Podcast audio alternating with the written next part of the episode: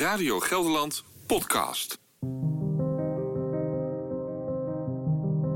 De zingever. Deze keer Wouter van der Toren.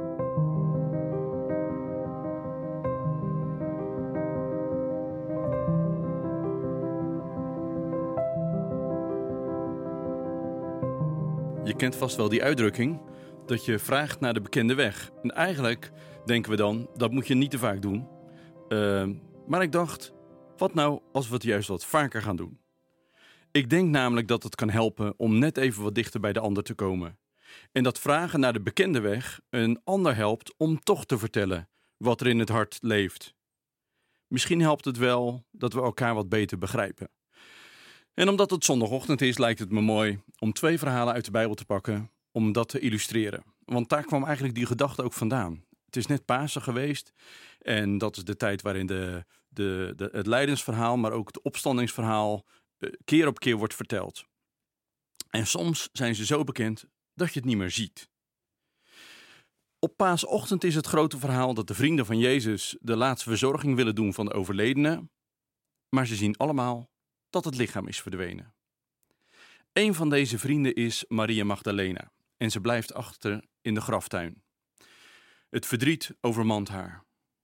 In de tuin loopt een man, waarvan ze denkt dat het de tuinman is, die hier het onderhoud doet. Waarom huil je? Wie zoek je? vraagt de man. Het blijkt Jezus te zijn. Je zou zeggen: het is een vraag naar de bekende weg. Maar toch geeft deze vraag naar de bekende weg de tijd aan Maria om te vertellen waarom ze zo ontzet is en waarom ze emotioneel is en waarom ze zoekende is. En ze vertelt het hem allemaal. Maria, zegt de man, en in het noemen van haar naam herkent ze haar vriend. Die vraag die hij eerder stelde was een vraag die hielp om niet om haar emoties heen te stappen. Jezus kwam niet, tada, hier ben ik weer, je hoeft niet te huilen, het is allemaal opgelost. En eigenlijk lijkt me dat een waardevolle les om mee te nemen. Dit soort vragen kom je overigens vaker terug in de verhalen. Er zijn bijvoorbeeld verschillende verhalen over blinde mensen die bij Jezus komen. En van Jezus was bekend dat hij kon genezen en hij deed dat nogal vaak. Je zou zeggen: Oké, de vraag lijkt me duidelijk. Maar bij al die verhalen vraagt hij: Wat wil je dat ik voor je doe? Dus stel gewoon de vraag naar de bekende weg.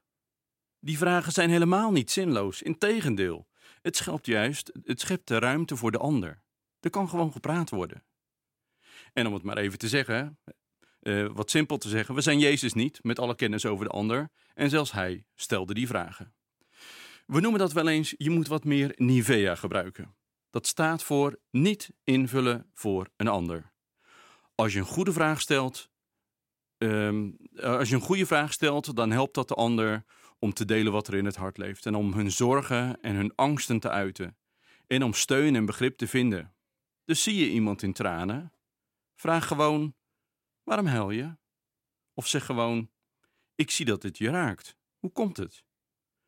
Of vraag gewoon aan iemand die een dierbare is verloren: hoe gaat het vandaag met je? En misschien heb je al lang gezien dat het een pittige dag is voor de ander, maar vul het niet in. En denk niet dat je het antwoord al weet. Toon gewoon oprechte interesse in de ander en geef ze de ruimte om te delen wat er in hun hart leeft.